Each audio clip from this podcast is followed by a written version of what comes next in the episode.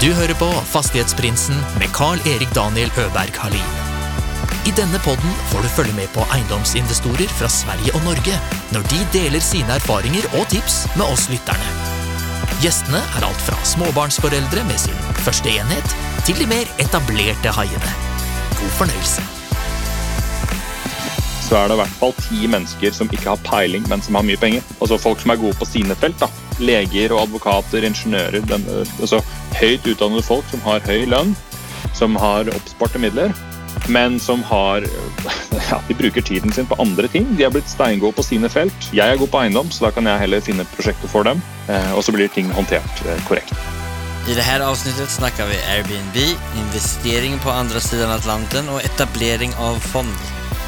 Köpa utan egna pengar. Ja, det är stora teman, men enkla att relatera till i detta avsnitt. Varje gäst lär mig alltid någonting nytt och det här är inget undantag.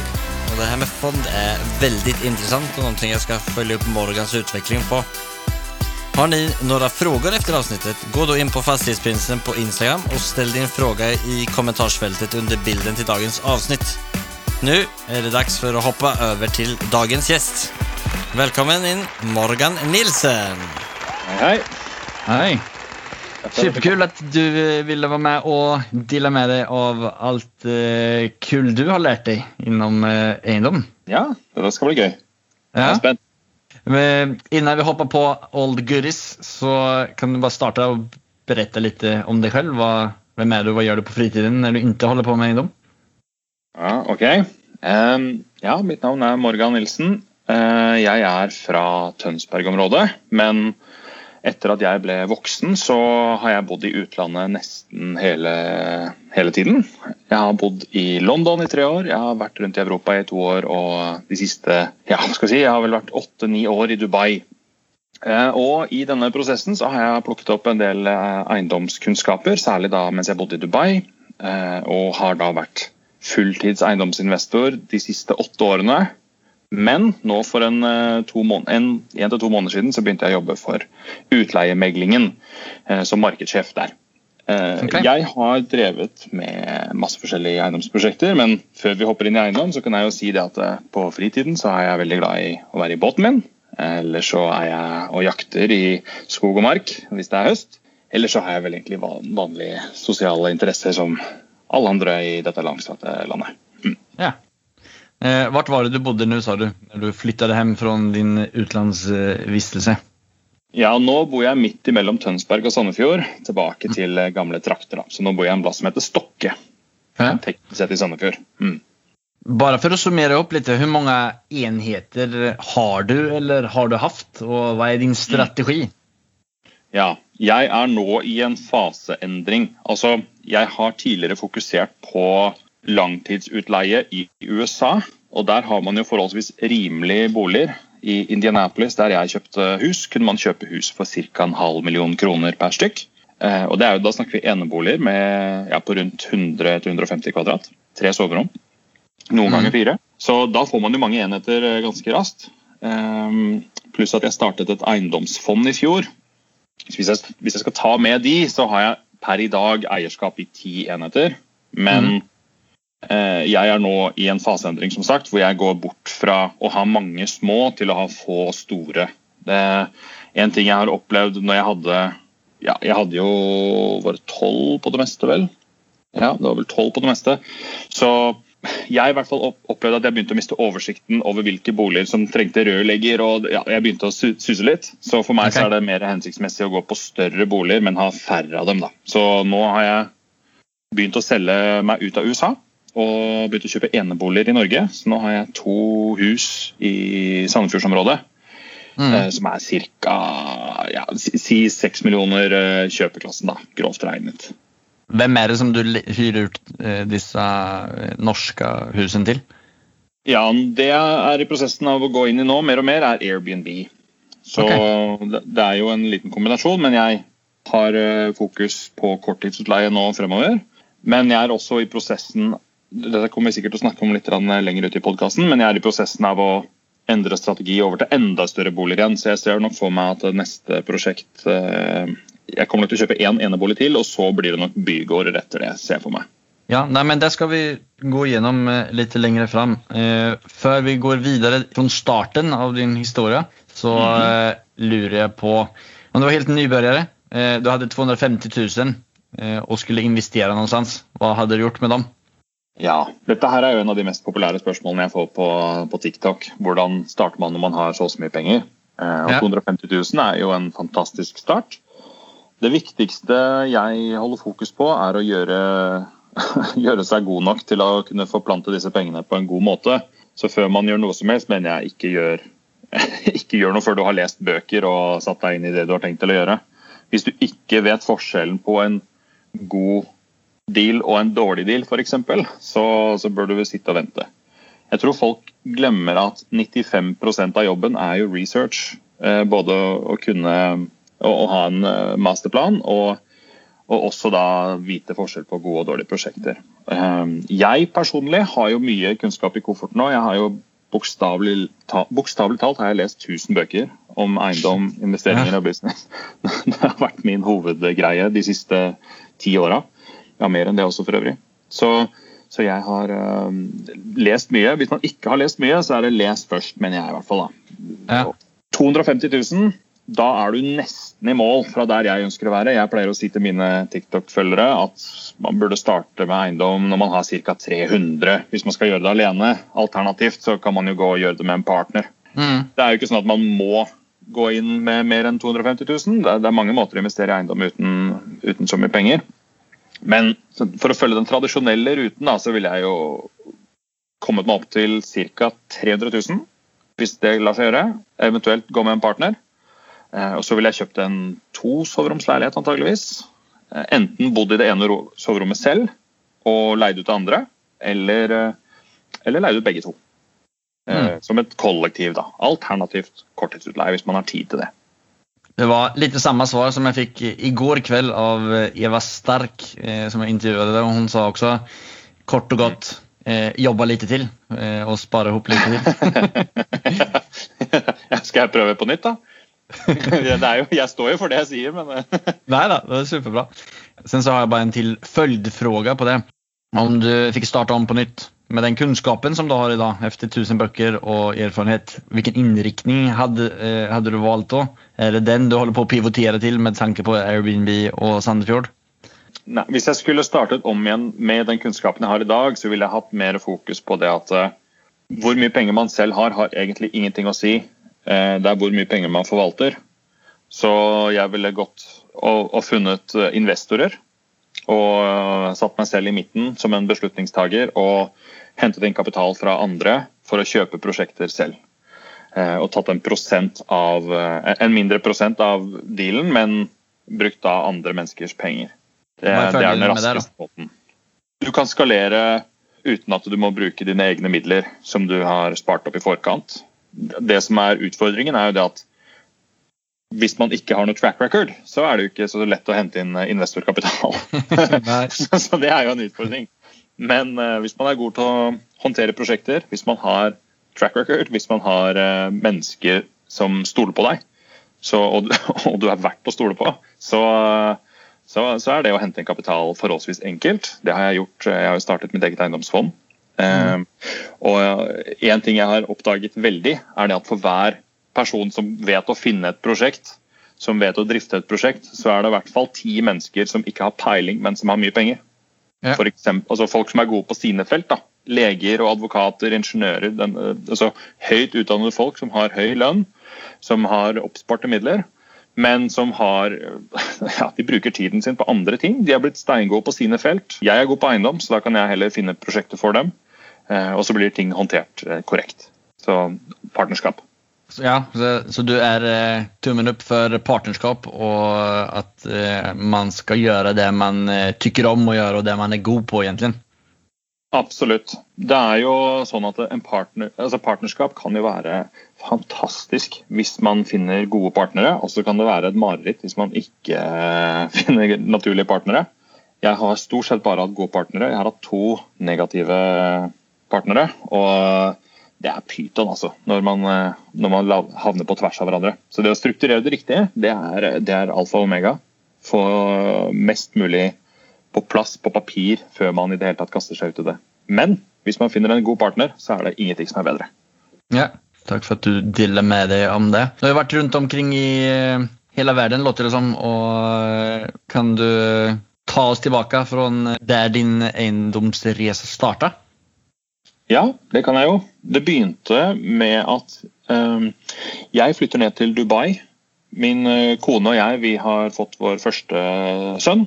Um, og når jeg flytter ned til Dubai sammen med vårt barn, så hold, da blir det huset hun allerede bor i der nede. Det hører jo med til historien. Hun, hun bodde i Dubai når vi traff hverandre. Og da ble det huset veldig lite. Da måtte vi oppgradere. Det huset hadde bare to soverom, og når jeg kom med sønnen min, så ble det altfor lite. Så eh, I den prosessen så leste jeg masse bøker, som sagt. Jeg hadde jo allerede lest 200-300 bøker på den tiden. Og en av de bøkene snakket om at huskjøp er jo sannsynligvis, i hvert fall for de aller, aller fleste, den største pengesummen folk flytter i løpet av sitt liv. Og den boken også sa det at det er jo helt sykt at folk egentlig ikke bruker mer tid til å forstå den prosessen bedre. For det er mange tusenlapper som flyr i en budrunde, for å si det sånn. Eh, mm. Det kan fort bli både 10 000, 20 000, 100 000, 500 000 og en million over eh, hva man egentlig tenkte seg. Så det å forstå forhandlinger, f.eks., for eksempel, da, det ble et fokus for meg. Så jeg satte meg veldig dypt inn i forhandlingsteknikk, og endte da opp med at vi det endte opp med at vi solgte den boligen vi skulle selge. den var vel, si, si Prisen var ca. 3 millioner kroner da, noe sånt nå, for den boligen. Det var fair market value, og vi endte opp med å få fire for den eh, gjennom forhandlingsteknikk. Litt flaks og litt forhandlingsteknikk. Og tre uker senere eller hva det var, så kjøper vi en bolig til, samme gata. Så da er vi jo samme område, samme type boligstrøk. Eh, den boligen var jo dobbelt så stor. Den skulle de vel ha jeg husker ikke, jeg tror det var seks millioner. Den endte vi opp med å kjøpe for fem. Så vi fikk en million opp og en million ned. Så i løpet av en tre ukers, fire ukers periode så var det jo plutselig to millioner på båndlinjen som ikke var der fra start. Wow. Eh, og det var da det begynte å gå noe sånn herre ja, Da begynte det å gnistre litt i hodet mitt. at ok, eh, Jeg hadde også akkurat avsluttet min eh, eh, utdannelse. Jeg hadde fullført en bachelor i nautikk og skulle bli styrmann. Men mm. etter dette her så kom jeg meg aldri på sjøen. For det å jobbe for 800 000 i året mm. eller to millioner um, på fire uker, det ja. Det er jo ikke en helt fair sammenligning, men Nei. du skjønte poenget. Ja, var, men man ser ja, hva, hva mulighetene er eh, hvis man klarer av å håndtere alle brikkene rett. Definitivt. Så det var starten. Og så hører vi også med til historien at Dubai hadde jo en formidabel boligprisvekst de neste 18 månedene. Ja. Og endte opp med, ja, bolig, Boligmarkedet gikk vel opp med nå husker jeg sikkert feil, var sånn, sånn 30% eller noe helt sånn sykt. Okay. Um, så da refinansierte vi, hentet kapital ut, begynte å kjøpe eiendommer ja. i Norge. Uh, og, så, og, så, også i USA da, et par år senere. Så det var starten. Hvilket år er vi på når du flyttet til Dubai? Jeg flyttet til Dubai det var vel januar 2013. Så, kjøpe, ja, så dette, her, dette skjer jo i 2013.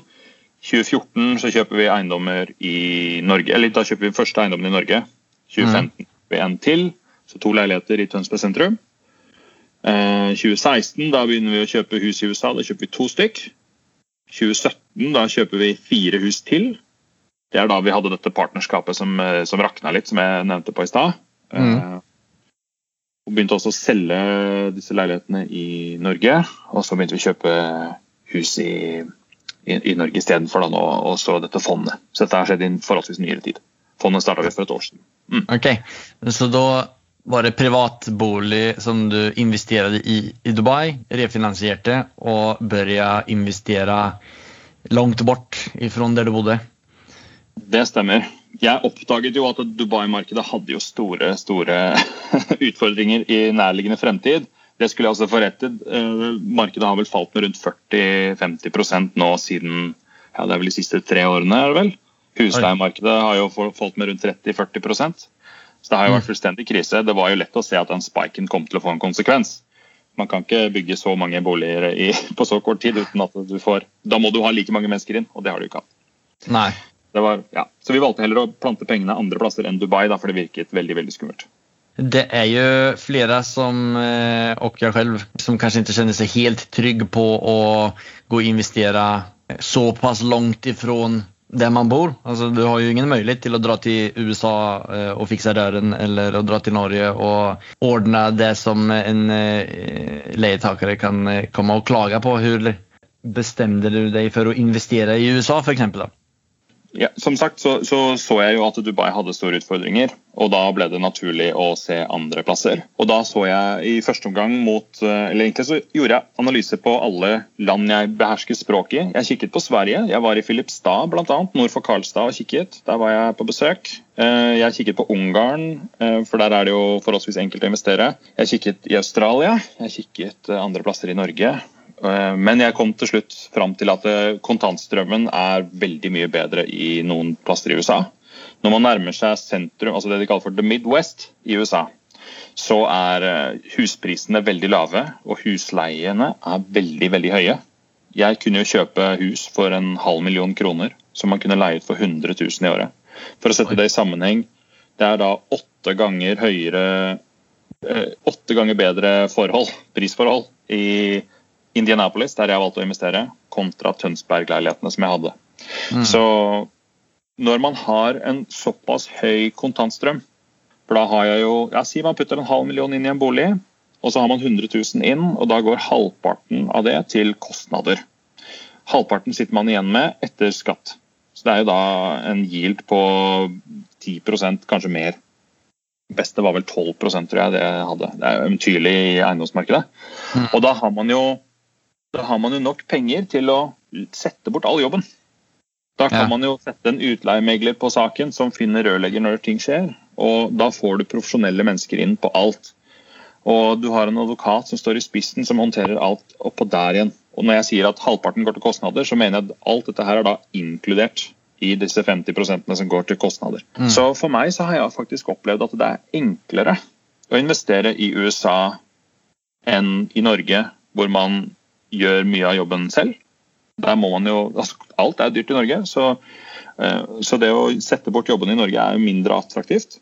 Men ja, i USA så var det faktisk enkelt. Jeg har opplevd det som enklere å investere i USA enn i Norge fordi man kan sette bort all jobben. Ulempen der er jo det at uh, kvaliteten på leieboerne er jo ja, det er uh, svakere kvalitet. La oss, bare, la oss være ærlige om det, er i hvert fall de områdene jeg investerer.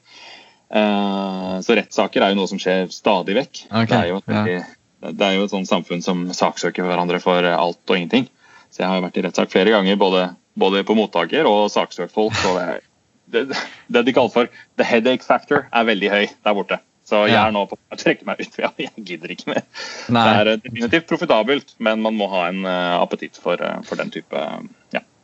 Men er det mulig å ikke være amerikansk, bo i Dubai og kjøpe et hus i USA? Det er det. Det som er utfordringen, er at du får nok ikke finansiering. Du får i hvert fall ikke tradisjonell finansiering. Eh, men et alternativ du kan gjøre, er jo det som kalles for selgekreditt, eller eh, owner financing. Vi gjorde jo det med de fire altså Som sagt, jeg kjøpte først to hus, og året etterpå, i 2017, med disse fem partnerne, så fikk vi til en deal hvor vi hadde selgekreditt. Det vil da si at selgeren av disse husene, det var én selger som solgte en, en, stor portefølje. Vi valgte fire hus av den porteføljen, hvor vi trengte bare å betale et delbeløp. Og så fikk vi eh, mulighet til å betale ned restbeløpet på, over, over, en lengre periode. Med en 6% rente som, som, var 1 høyere enn hva som var vanlig i, banken der borte. Da. Så mm. 6% høres jo høyt ut i forhold til det vi har i Norge nå i dag, men I 2017 i USA så var 5 det som var normalt. Da. Så vi fikk dette 6% Vi måtte bare betale 10 eh, down payment, egenkapital. Vi valgte å betale mer. Vi puttet 20 000 i hvert hus. Og det ene huset valgte vi å renovere for så å flippe, mens de andre tre holdt vi på eh, en god stund. da. Men den porteføljen er nå solgt videre. Mm. Okay. Så lett å kjøpe i USA, ikke noe problem. Det som er en konflikt, ofte er det man, man trenger um, hva heter det da? I Norge så heter det vel sånn D-nummer hvis man er utlending og kommer til Norge. Et personnummer er jo den norske, den norske varianten. Mm. Er man utlending i Norge, så får man et D-nummer. Det må man jo ha for å åpne opp bankkonto og den type ting. I USA så heter det et ITIN-nummer, og det kan være vrient å få tak i. Fordi du må ha en grunn til å få det nummeret for å få det, men du får jo ikke kjøpt hus uten heller, liksom. Så det er, det er liksom catch 22. Du får ikke den ene uten den andre. Så hvordan skal du håndtere det? Um, så der må du finne noen som kan knekke den inn for deg. Og det, det, det, er en, det er en egen greie. Så ikke spør meg om det, for det, vil jeg helst ikke ha noe med å gjøre. Nei, en det er en vanskelig prosess. Det tok meg 18 måneder å få det. Du, du sa at du starta et fond der också. Det er jo litt interessant. Det er jo mitt inntrykk av att eh, de store spillerne jobber med fond. Mhm. Kan du berette litt om det og hvordan det fungerer?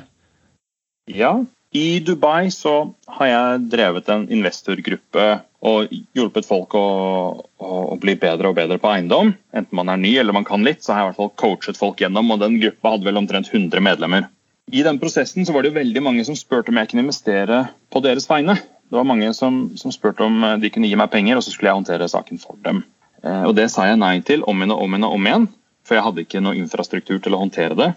Men på et senere tidspunkt så tok en venn av meg kontakt med meg og sa at nå har han startet et managementselskap, et property management-selskap som fokuserer på Airbnb. Så han driver med korttidsutleie, rett og slett, eh, på vegne av andre. Og Da ble det mer aktuelt, for da hadde jo han infrastrukturen til å forvalte disse boligene. Så det vi gjorde Da da tok han kameraten min og meg, vi gikk sammen, lagde et fond og hentet investorkapital fra rundt omkring, rundt omkring i verden. Vi hadde jo mange i Dubai og Abu Dhabi. Samt vi hadde jo bekjente både i Australia, vi hadde bekjente i Sør-Afrika, i Frankrike, i England. Og hentet inn ja, Minimumbeløpet for å være med i fondet vårt var en halv million kroner. Eh, så vi hentet inn 15 millioner kroner, så vi er et mikrofond i forhold til de store gutta. Men det er jo en start. Så vi hentet inn 15 millioner kroner. Planen var å kjøpe ca. 20 eh, eneboliger på ca. 300 kvadratmeter hver i Indianapolis-området. Der var jo jeg godt kjent. eh, Og fokusere på Airbnb. Ja. Eh, Så kom, så kom korona, og da måtte vi endre strategi veldig raskt. Så vi valgte istedenfor å kjøpe alle disse 20 boligene med lån, så valgte vi å kjøpe fire uten. Så jeg vet ikke hvilken retning du ønsker at vi skal gå inn i det. For det å starte et fond det er en ganske komplisert eh, prosess. Men eh, og vi ga vel ja, Det var forholdsvis dyrt å få disse fondsdokumentene også. Jeg tror vi ga 200 000 kroner jeg, til advokatene for å i det hele tatt bare få kontraktene på plass. Men uh, i utgangspunktet så er det da folk som har penger, trenger hjelp til å plante det en plass. Så vi tar da en prosent av, eh, av resultatet for å håndtere dette her på, på vegne av våre investorer. Superkul. Min hjerne bare spann i vei. Her kommer sikkert eh, komme på masse bra spørsmål angående det eh, när vi har lagt på senere. Men eh, inledningsvis så sa du at det her var veien som du hadde gått om du hadde fått starte om på nytt. Og det her gjorde du i eh, USA Og er det her planen du har fremover i Norge også, eller? Ja, det er svaret på det. Ja. Eh, Jeg er i prosessen av å eh, starte opp et nytt fond her i Norge nå. Jeg er eh, i prosessen av å hente inn informasjon fra fondsadvokater, fra Finanstilsynet, for å vite hvor, hva slags retningslinjer jeg må forholde meg til innad i Norge. For det er jo regler rundt hvem er det man kan ha inn som investorer, bl.a. Jeg har jo en ganske stor følgerbase på TikTok, bl.a. Mm. Kan jeg hente inn penger fra dem? Er de sofistikerte nok til å ta en avgjørelse på om dette er en god deal eller ikke? Det er jo sånne ja. spørsmål jeg er nødt til å finne ut av nå, for å Ja. se hva, som, hva jeg har lov til å gjøre og ikke. Så ja, over de neste månedene så kommer jeg til å starte opp denne prosessen her. Da. Så er jo spørsmålet skal man hvis, Si jeg får lov til å hente inn kapital fra disse eller fra disse tiktokerne, da, f.eks. Si de kommer inn med 10 000 hver i snitt, for å ta et beløp. Er det sånn at eh, skal vi da ha 1000 aksjonærer, eller å kjøpe bygårder, liksom? Eller skal man ha et eget dedikert selskap som låner ut pengene til et annet selskap igjen? Som, altså, den, Mm. den informasjonen her er det det jeg driver og nøster opp i nå, da, for å finne ut hvordan er det man skal gjøre dette her eh, i henhold til, eh, til loven, og, ja, og, og vite at vi har bevilgning til å håndtere dette her på rett måte. Ja, det men sjukt kul. Det er eh, verkligen eh, interessant eh, vei å gå. Hvor stor tenker du at denne fonden skal bli da? Vi kommer nok til å starte et lite et først, for å få um, den erfaringen og få systemene på plass. For det er jo, det er jo sånn som altså med alle bedrifter som starter, så har man jo barnesykdommer. Det er jo, ting må jo løses underveis, og man må få systemene på plass. Så jeg ser nok for meg at vi kjøper et lite prosjekt først, og så kjører vi på med fond nummer to ganske raskt etterpå. Og etter Mm. det så er det jo bare å, å, å skalere ut. Det er nok mer hensiktsmessig å kjøre ett fond per bygning, tenker jeg. Med aksjefond, f.eks. Så kan man jo trekke seg inn og ut med forholdsvis hyppig hastighet, fordi det er veldig likvide midler. Eiendom derimot, når du kjøper en eiendom, så kan, det er det ikke alltid så lett å trekke seg hvis man ønsker seg å, å, å ha pengene tilbake igjen. Så det er jo en utfordring med tanke på disse investorene. Hvordan er det de kan exite hvis de ønsker seg ut? I USA eksempel, det fondet vi har i USA, så har, der har ikke investorene mulighet til å trekke seg før om tolv år. Um, så, så de er låst i tolv år, og, Mm. og da har man jo strenge regler rundt det. Når man ikke har muligheten til å forvalte disse pengene fritt selv. Nei. Vi må se. Jeg må, jeg må rett og slett se. Jeg har ikke nok informasjon akkurat nå. Jeg er i en Nei. informasjonsinnhentingsprosess i disse dager.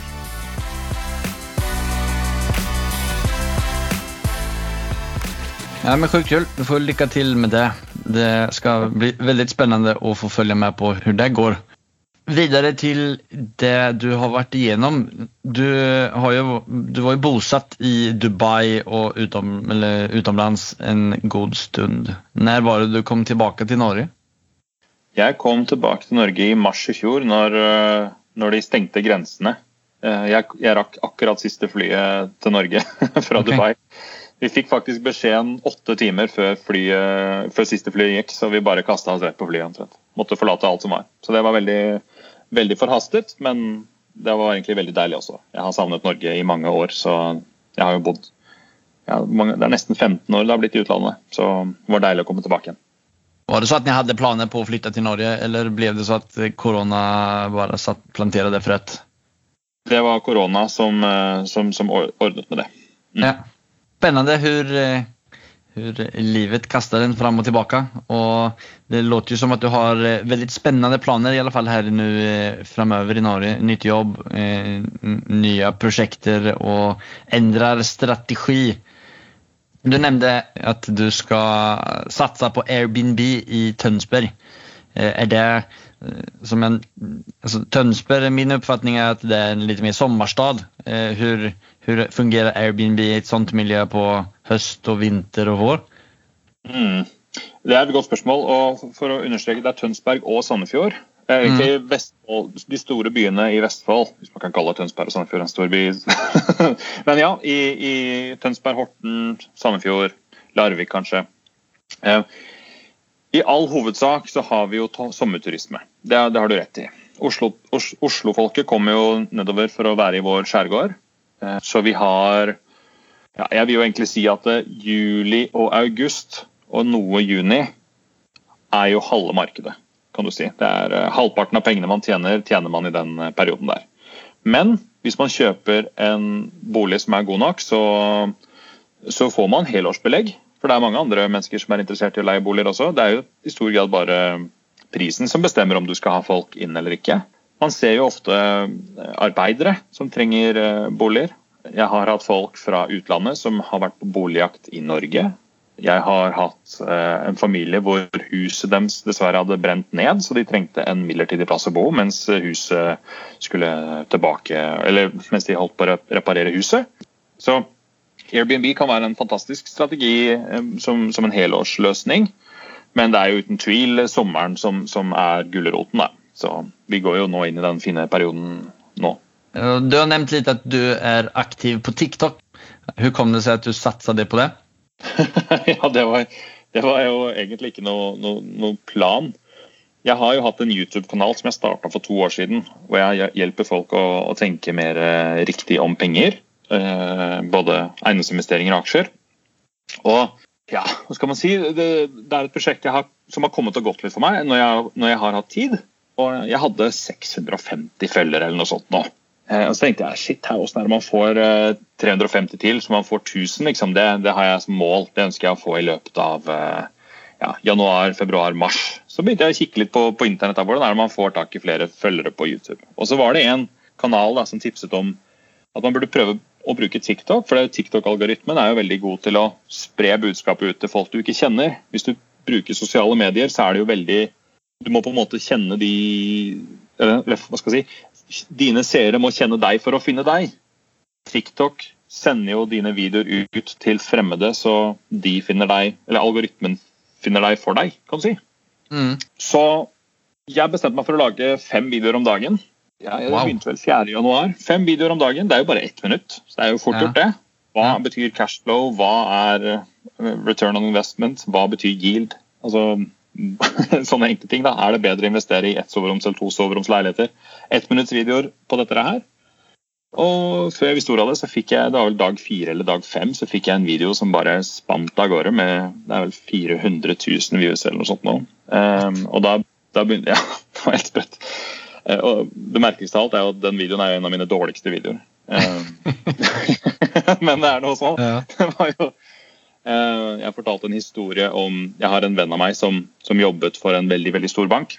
eh, En investeringsbank. Og han tipset meg om at jeg burde styre unna trading, fordi eh, han fortalte meg hvor mye informasjon han sitter på i forhold til mannen i gata. Han, eh, han trader bl.a. av agrikulturprodukter for en, en av de største investeringsbankene i verden. Så han sitter jo på ja, hundrevis av millioner av kroner som han putter inn og ut, i, ja, ut av sukker og ja, forskjellige typer commodities. Og Han sier da at han har jo da en armé som kjører rundt i pickup trucks i eh, hvor er det der? Sør-Amerika. Så han har jo oversikt over når er det disse bøndene kommer på altså, Hvor mye sukker er det som kommer på markedet? For disse folka kjører jo rundt fra bondegård til bondegård. Det er jo ikke ulovlig. Det er absolutt lovlig. Det er jo bare å hente inn kunnskap. Men han sitter jo da på en enorm mengde med, med, med informasjon. Og han sier at bare styr unna, det er bare tull og tøys. Det er bedre at du fokuserer på ting hvor du kan kontrollere utfallet mer. Mm. Forteller jeg dette her på ett minutt, da, så ordlegger jeg meg litt feil. Kanskje jeg bruker ett begrep feil, eller noe sånt, og da, blir jo, ja, da begynner folk å klage. ikke sant? Å, du vet jo ikke hva du snakker om. og Så er det noen som kommer og tar deg i forsvar igjen. Så Da gikk jo mølla fram og tilbake. Så det begynte med at jeg skulle bare få 300 følgere, 350 følgere på YouTube. Det klarte jeg på fem dager. Fikk jeg over 1000. Så det, ja, og siden da så har det bare vært gøy. Jeg syns det er gøy å lære bort det jeg kan. Mm. Eh, Når jeg har tid, så prøver jeg å hjelpe folk å, å bli bedre, bedre i økonomi. Ja, nei, men eh, det setter jeg stort pris på at du gjør i eh, å dele med deg her i denne podden. Og eh, jeg har skummet igjennom både YouTube og, og TikTok, og du har jo veldig mye spennende og lærerikt der, så det rekommenderer jeg alle å eh, gå inn og se på dine profiler der. Er det noe mer som du kjenner har vært veldig eh, avgjørende i din eh, liksom, eiendomsreise eh, fram til nå, som, eh, som kan være kul å dele med seg om? Ja, det første jeg tenker på da, er eh, Jeg har eh, et høyt fokus på lav risiko og bruke tiden riktig. Det er det som har gjort meg såpass suksessfull som jeg har vært, hvis man kan kalle det jeg har suksess. Veldig mange jakter jo høy yield. Om å gjøre å få mest mulig, og så tenker man uh, høy risiko er, er den beste måten å gå frem på. Uh, jeg tenker at det ikke stemmer. Lav risiko, behersk risiko. Man må mestre risiko og, og legge risikoen på en profil man selv er komfortabel med. Og jeg vet at så lenge jeg aldri taper, så må jeg bli rikere og rikere uh, over tid. Og jeg husker Warren Buffett, som er en verdenskjent investor, han sa en gang regel nummer én i investing er 'never lose money', og regel nummer to er 'don't forget rule number one'. Ja. Og eh, det er et begrep jeg virkelig har tatt til hjertet. Så jeg fokuserer kun på å putte pengene inn i ting hvor jeg vet jeg får mer penger ut, og jeg vet når jeg får pengene. Så det å styre unna høyrisiko, kryptovaluta og høyrisikoaksjer og den type ting, jeg er ikke interessert i det hele tatt engang. Da bruker jeg heller lang tid til å bygge meg opp en sikker portefølje. Og det som skjer, da, det er veldig mange ikke tenker så mye på, for de tenker herregud, 5% yield, det er jo ingenting, hvorfor gidder du det? Det er jo det er ikke interessant i det hele tatt. Jeg tjente jo 15% på denne Norwegian-aksjen forrige uke bare. ikke sant? Men så tenker man ikke på de tapene man går på underveis. Og En annen ting man ikke tenker så mye på, er at når man lager en track record over en tre til fem til syv til ti års periode, hvor du aldri taper, så er det mange som begynner å legge merke til det. Og det er jo sånn jeg hadde mulighet til å starte mitt fond. For jeg har jo en track record hvor jeg har vunnet på samtlige investeringer jeg har gjort. Og jeg har vunnet veldig bra på mange av de. Jeg er veldig kresen på de prosjektene jeg går inn i. Så det å fokusere på lav risiko Det går treigt i starten, men den grafen blir jo en sånn hockeykølle. Eh, Det går flatt i starten, og så går det jo rett opp. Så fokuser på lav risiko og bruk tiden riktig. Det er mitt aller, aller beste tips. Det fins en prinsipp som heter er det Matthew Principle, eller? eh? Jeg vet ikke. Det er faktisk han Jordan B. Pearson som jeg hørte av den først. tror jeg, at liksom, Om du konstant gjør noe både positivt eller negativt, om du gjør noe positivt, så under lengre tid så kommer det til slutt en tid der det bare skjuter opp.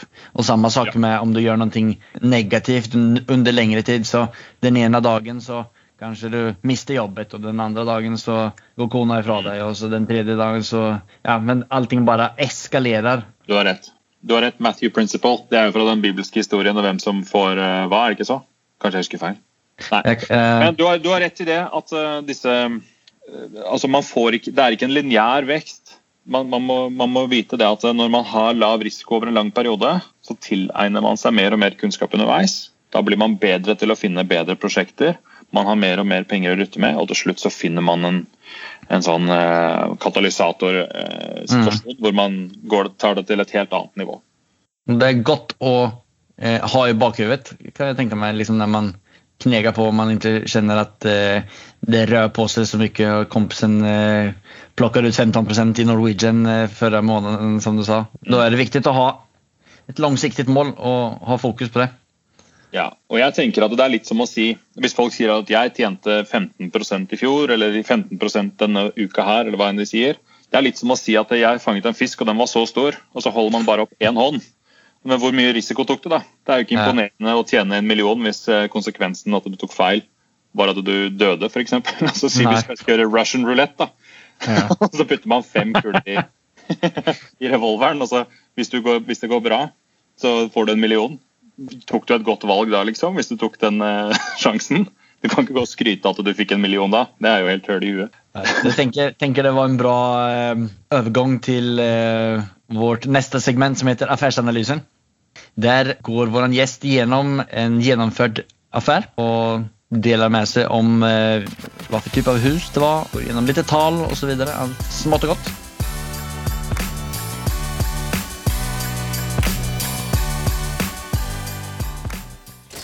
It has not been easy for me. And, you know, I, I started off in Brooklyn. My father gave me a small loan of a million dollars. A million dollars. Affärsanalysen. Är det noen eh, speciell deal som du har tenkt på? Mhm. Ja. Eh, Vi har jo flere alternativer her, men det er en jeg har valgt meg ut. Og det er da min nyeste deal. Den, det er en enebolig jeg kjøpte i Sandefjord i oktober. Ja. Det er jo et halvt år siden ca. Planen var å kjøpe det huset med formål om å starte Airbnb. Huset ligger ute i lang tid til 6,5 million, men ingen er interessert. Så ser jeg de legger prisen ned til 6 millioner. Huset selger fortsatt ikke, så jeg går på visning og ser jo her at her, det er jo egentlig det, Dette huset burde jo solgt. Fordi eh, dette huset er jo mye bedre enn det, eh, enn det annonsen egentlig viser. Eh, Jeg oppdager at eh, megleren som har lagt denne boligen ut, har feilmerket boligen eh, noe. Det er en bolig som står med tre soverom og en spisestue. Men den spisestuen kan jo like så godt være et soverom, for der var det jo rømningsveier og det som er. Så jeg legger inn et skambud på 5,5 millioner og får det godkjent etter litt frem og tilbake Ok. denne boligen, etter min mening, burde vært ja, si, si i hvert fall 6 millioner. da. Så Vi får denne boligen til 5,5 millioner. Og så gjør jeg noen taktiske grep. Jeg ser jo at denne boligen har tre stuer. Og den ene stuen er jo såpass stor at der kan jeg bygge et ekstra soverom. Så for det første, boligen var jo 500 000 lavere enn det den burde vært. Jeg fikk forhandlet bolig ned 500 000 til. Og jeg bygde jo dette femte soverommet. Og da ble jo den boligen verdt plutselig 6,7 millioner. Så den gikk, eller 6,750 faktisk. Så den gikk jo opp Mm. nesten 1,3 millioner eh, i verdi bare, bare på de små grepene jeg gjorde. Så det, det er jo et, et godt eksempel på hva jeg snakker om. at det, Ofte på mine videoer er jo det at eh, du tjener veldig mye av pengene når du kjøper boligen, ikke når du selger. Hvis du, kjøper, hvis du forhandler prisen riktig, så kan du få ned prisen ganske mye. og det, det er Alt du forhandler prisen ned, er jo på en måte penger i lomma, lomma di. Eh, pluss at jeg snakker også ofte om hvordan er det du kan gjøre taktiske grep for å øke verdien på boligen. Som f.eks. å bygge et soverom i en stue som, som kanskje er overflødig. Ja, eller rom som er overflødig. Så i løpet av veldig kort tid så, så tvingte jeg den verdien opp med nesten 1,3 millioner. Siden da så har jeg driftet denne boligen på Airbnb, eh, og det dundrer og går. Det er nesten så jeg gruer meg litt til å dele disse tallene, for jeg er redd for konkurranse. Men vi får se hvor bra det kommer til å gå. Ja. Foreløpig, så, foreløpig, så, ligger jeg an til å dra inn nesten 800 000 i husleieinntekter. Så det er ganske bra på en bolig som, som jeg har puttet ja, Jeg putta vel 1,5 millioner i egenkapital. Og så mm. har jeg puttet ca. 500 000 i renovasjon og møbler. Så sier jeg 2 millioner all in. da. Eh, så 800 000 i inntekter da, det er jo egentlig ganske bra. Det er egentlig eventyrlig. Mm. Ja, og spesielt framtidig verdiøkning, skal vi si. Ja. Men jeg vil også understreke det at Airbnb er jo ikke et nybegynnerfelt. Man burde jo ha mye, altså mye kompetanse for å, for å mm. dette her riktig. fordi når, hvis ting begynner å gå galt, hvis f.eks. varmtvannstanken ryker, så har du jo gjerne gjester som, som skal komme dagen etterpå. Og ja. Da må du ha systemene på plass for å Du må egentlig vite hvordan du skal håndtere alt, for du har ikke like mye tid som det du har med langtidsleieboere. Eh. Så, så, man bør være dyktig på sånne ting. Og, hvordan, og så er det også en sannhet at det, de som er topp 10% i markedet, de tar halve markedet. Hvis du kjenner Paretos lov, den der, mm. 20% av markedet får 80% av profitten. Mm. Det er litt det samme som skjer i, um, i Airbnb. De som er okay. topp 10, de, um, de, får veldig, veldig mye. Mens de som ikke er topp 10, de må krangle mye om, om resten. Så det er et veldig attraktivt marked for de som som kan gjøre dette her på fulltid. Jeg har jo dette Airbnb-fondet mitt i USA, så jeg kan jo alle knepa. Mm. Eh, eller i hvert fall veldig veldig mange av de. Så jeg har jo gode forutsetninger for å gjøre det bra. Men mm. Eh, ja, det er lukrativt. Jeg kan jo også plugge min egen tjeneste hvis det er greit. At vi har jo startet eh, et nytt initiativ nå i utleiemeglingen der jeg jobber. Hvor, hvor vi kjører denne type drift for eh, huseiere. Da. Så Hvis man eier en enebolig i Tønsberg eller Sandefjord eller i Vestfold-området, så kan vi drifte dette her på deres vegne. Da tar vi 30% pluss litt andre kostnader. Okay, så det, det penger eh, hvis, man sitter med en enebolig i, uh, det området og man leier ut den på Airbnb, så håndterer ni det praktiske rundt omkring det? Ja, vi kan gjøre to, to forskjellige løsninger. Enten så leier vi boligen av huseier, og så driver vi fremleie på kort tid. Mm. Eller så deler vi risiko, og da, vi, da, håndterer vi alt sammen. Og da tar vi 30 av uh, brutto inntekt pluss uh, litt sånn kostnader for laken, leie og den type ting. Mm. Men uh, ja, og, og, da er det vi som håndterer alt, og da får vi jo Ja, da, da håndterer vi alt. Da blir det som å være en, en huseier som setter bort nøklene til en utleiemegler. Kul konsept. Ja, veldig kult. Så Vi har fått tre boliger denne uka som var nå, ut på markedet. Ja. Og markedet, Vi har jo en formening om hvor stor markedet er, så vi har fortsatt eh, muligheter eh, til å håndtere nye prosjekter. Så. Eh. Sitter du med det her Airbnb-huset i et AS, eller eier du den privat? Det er jeg privat. Skattereglene rundt Airbnb er det er forholdsvis mye mer attraktivt å kjøre det privat enn i næring, men ulempen er at du kan bare ha én ja, det er forholdsvis store skatteforskjeller på, på privatmarkedet hvis du har én bolig, eller hvis du kjører, må kjøre det næring. Og Regelen er hvis du kjører det næring, så har du vel ca. Ikke ta meg på dette her, men jeg tror det er sånn ca. 45 av netto. Og da har du jo alle fradrag. Alle fradrag. Uh, så du har jo da inntekt minus alle fradrag, og så 45% skatt av det du har igjen. da. Hvis du har en personlig bolig, så er det vel De første 10 000 er skattefrie uansett. Så hvis, La oss gjøre et eksempel. Du har 110 000 i inntekter. Si du har en studioleilighet, du har 110 000 i inntekter. De første 10 000 er skattefrie. Da har du 100 000 igjen som er skattbar. Eh, du skal ta 85% av det beløpet. Det er da 85 000 som nå er skattbar, og så er det 22% av det. Og da har du ingen fratrekk, men du har en du har jo bare halv skatt, da, kan du si. Så for meg, da, f.eks. i min bolig, så hvis jeg drar inn 800 000, så er de første 10 000 skattefrie. Da er det jo 790 000. 85% av det er jo skattbar inntekt. Er, jeg husker ikke helt det. Mm. si 600 000 er grovt regna, Mm. så, er det 22 så, så er det 22 av det. Så det er vel ganske nøyaktig Ja. 150 000 jeg får i skatt, der, Mm. hvis, hvis det er tilfellet. Mm. Hvis jeg skulle kjørt det på næring, så ville jeg antageligvis fått nesten dobbelt så mye skatt. Ja. Nesten dobbelt så mye. Så hvis man kan, så, så, ja, kjør- privat. Men som sagt, maks én bolig, da. Mm. Supergode tips. Ja, men tack för att du deler med deg om den. Jæklig kul prosjekt. og får håpe at det ikke lokker hele Norge till eh, ditt område og konkurrerer om alle dine enheter. Da er vi framme ved vårt neste segment som heter Fyra frågor. Mm. Det er de fyra samme spørsmålene som alle gjester får.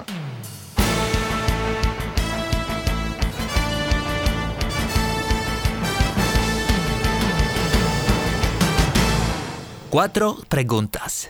Och den första frågan lyder som följer. Vad är det som skiljer en framgångsrik entreprenör mot de som inte lyckas, slutar eller aldrig kommer igång? Det er nok mange grunner til det, men jeg har lyst til å si de som klarer å, å ha gjennomfør, gjennomføringsevne etter å ha bygget opp kunnskap. Det handler i stor grad om å få kunnskap først. Vit hvor du skal seile før du setter eh, fra kai. Det, og hvordan, du, hvordan systemene funker. Jeg er jo sjømannutdanna og kan, kan jo bruke det. Så hvis du ikke vet hvordan kompasset funker, så har det jo ikke noe på sjøen å gjøre. Eh, det, det å tilegne seg god kunnskap i forkant, det er veldig veldig viktig. Og så må man ha handlingskraft etterpå. For hvis man bare sitter med kunnskap og analyserer og analyserer og ikke tar skrittet videre, så, så kommer man ingen vei. Man, man må vite hva man skal gjøre, og så må man tørre å, å, å kjøre på etterpå. Resten kan man finne ut underveis. Skaff kunnskap og putt skarpt. Fråga nummer to. Om du hadde ubegrenset med penger, alle eiendommer i hele verden var ute på salg, hvilken hadde du skaffet deg da? Oi, det er et kult spørsmål. Uh, jeg har en drøm. Jeg har to drømmer. Jeg har lyst til å svare to. Ja, men det får du lov til. Jeg, Ja. Folk som har, eh, har en god drøm på det her spørsmålet, de, de, skal få tid. Ja, ja. En vakker dag så skal jeg kjøpe min egen food court. Og ha det som et næringsbygg. Og, og få interessante restauranter eller ja, sånne food stalls inn. Det er et personlig mål. Eh, Jeg har jo vært i Oslo og vært på besøk eh, hva er det det heter? Mathallen. Sånn vulkan, eller hva det heter. Utrolig fascinerende konsept. Jeg elsker det. Jeg har vært masse rundt i verden og sett mange kule food courts. Elsker konseptet. Eh, Jeg har ikke sett så veldig mye på tallene rundt det prosjektet, men det er en sånn drøm. Jeg har lyst til å ha et sånt prosjekt. Det er det ene. Og nummer to, jeg har lyst til å drive med skog. Så jeg har lyst til å kjøpe meg en skog og drive med næringseiendomsvirksomhet av skog. Da. Forvaltning av skog. Mm. Okay. Den så jeg ikke komme, men det er jo spennende. Ja. Jeg har sett på matematikken rundt skogdrift, og der er det mye ja, det, ser attraktivt ut hvis man, eh, hvis man gjør det på, den, på den rette måten. Ja, Nå kommer vi till eh, den frågan som jeg har lengtet mest til, egentligen med tanke på din track record i boklesning. Beste Eh, boktips for en som er interessert i fastighetsinvestering? Mm. Ja, OK. Her. Nå, nå må jeg svare for meg. vi burde kanskje egentlig bare satt av en hel podd til denne frågan. Ja, ja, ja, ja. Jeg kan jo begynne å si Jeg snakker masse om de bøkene jeg har lest på min YouTube-kanal.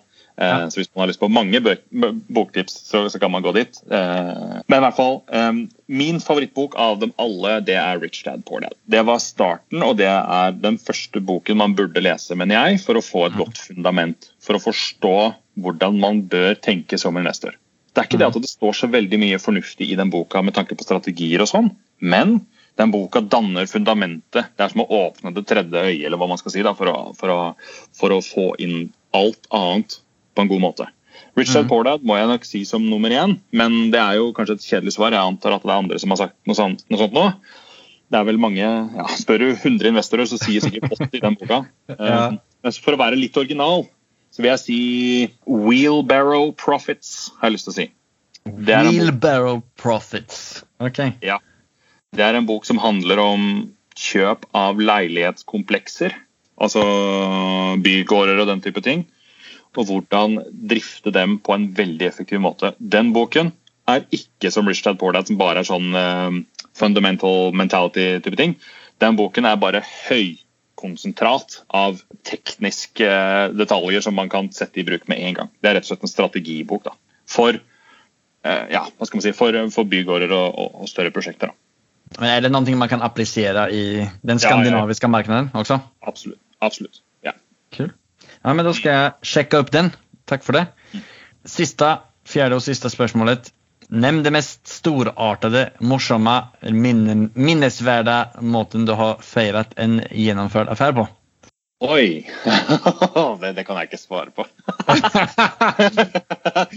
Nei, nei, nei, da ender jeg opp på Exit sesong tre. Nei, du, får ta, du får ta den litt mer light-versjonen av det. Da. Ja, ja, ja, nei, det går ikke. Jeg veldig, jeg pleier å feire, jeg er flink til å feire små seire hele veien. Så istedenfor å gå veldig hardt ut på de store, så tar jeg meg et glass konjakk hver gang jeg har en liten suksess. Hvis jeg har en liten suksess, så tar jeg meg et glass med XO. Og, og det blir jo kanskje si to ganger i måneden eller noe sånt, da, hvis jeg har en, eh, ja, en, en fremgang som er uh, konjakkverdig. Så det blir, noen, eh, det, blir noen sånne, det blir noen sånne av og til. da. Så eh, jeg, jeg svarer på den måten, jeg. Sista tips til alle nye investorer som kanskje ikke helt har kommet i gang? Ja, ikke ha så mye fokus på hvor man skal putte pengene før man eh, Jeg, jeg gjentar meg selv, altså, men det er fordi det er Ja. veldig viktig. Jeg får utrolig mange spørsmål på TikTok og på YouTube. Hva burde jeg kjøpe? Hvor burde jeg putte pengene mine? Det er feil fokus. Hvis man ikke vet hvor man skal putte pengene, så må man vite det først. Mm. Bruk tid. Jeg var 25 år når jeg begynte å lese om investeringer. Da hadde jeg vel omtrent en million i studielån og hadde ingen eh, oppsparte midler, så jeg var jo kommet skeivt ut sånn sett. Men valgte å fokusere på å tilegne meg kunnskap. Så i løpet av de neste tre-fire årene så leste jeg jo flere hundre bøker. Og i den prosessen så ble jeg utrolig trygg på meg selv. Jeg visste at det er veldig mye av dette her jeg fikser, og det jeg ikke vet hvordan man fikser, det kan jeg finne ut av. Og når man vet Når man har en sånn intern trygghet, så, så er det mye lettere å, å ta avgjørelser. fordi man må regne med å få litt juling i denne bransjen her. Det er, ting går galt stadig vekk. Og mennesker vil ødelegge bransjen din med leieboere som ikke bryr seg om at du er en huseier som har spart og spart og spart. Og det å fokusere på kunnskap, det, det er det viktigste, føler jeg. Ja, men kjempebra. Før vi runder av, er det noen spesielle deals som du er på jakt efter og nå fremover? Og i så fall er det noen eh, person som du vil komme i kontakt med tanke på det, eller noe annet?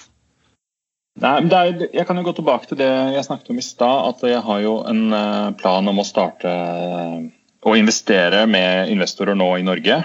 Og Mm. hente inn kapital fra, fra mine TikTok-følgere og andre interessenter. Så jeg har laget en mailingliste på det, sånn at når den informasjonen er klar, når jeg har fått grønt lys fra Finanstilsynet og sånt nå, så, så ruller vi det ut.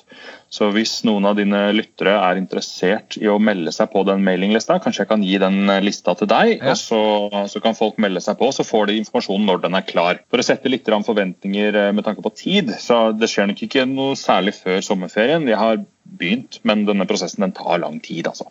Så skrive seg på den e-mail- e-mail-lista, det må dere gjerne gjøre. Ja, men Da lenker vi det i beskrivelsen, og under tiden så får man uh, følge det på YouTube og på TikTok. og De lenker jeg til også.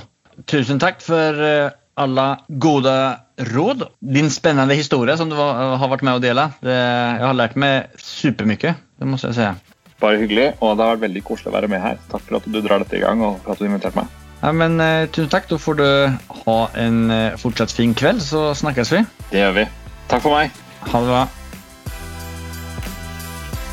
Her var det mange gode tips som i alle fall satte i gang tankene hos meg. Så inn og følg Morgan på TikTok eller en av hans andre kanaler. Og for å bygge opp seg stort så er jo en av de viktigste nøklene det her med finansiering. Og det her fondspåret er jo virkelig interessant. Noe jeg skal følge vidare. Airbnb är också kul och jag tycker att det var fin poäng att man ska se det över ett år. Med bra tryck och priser på sommaren och billigare men ändå helt okej priser resten av året. Det här avsnittet ska jag själv lyssna på om inte allt för lång tid. Kommentera som sagt på Morgans bild under så kommer han svara på alla er oj, shit, det här var pinsamt. Alltså att jag glömde att... Vem kan det här vara? Det står liksom bara dollartecken. Hallå? Nei, men hej Morgan. Det var kul, Jeg sitter faktisk og bare spiller inn eh, summeringen av vårt samtal. Hva gjør du? Jaha, wow. Kul, grattis. Overtegnet fond på 20 minuter. Det er helt fantastisk. Okej, du, du er her utenfor, ja. Nu? Hur kom du hit? Det låter ikke helt som om du skal kjøre bil altså. Okej. Jeppe kör. Okej. Ja, William kör Jeppes bil. Ja, men det låter ju väldigt tryggt. Ja, jag kommer så drar vi till lägenheten. Jag ska bara ta runda av här. Ja, fint. Ha det!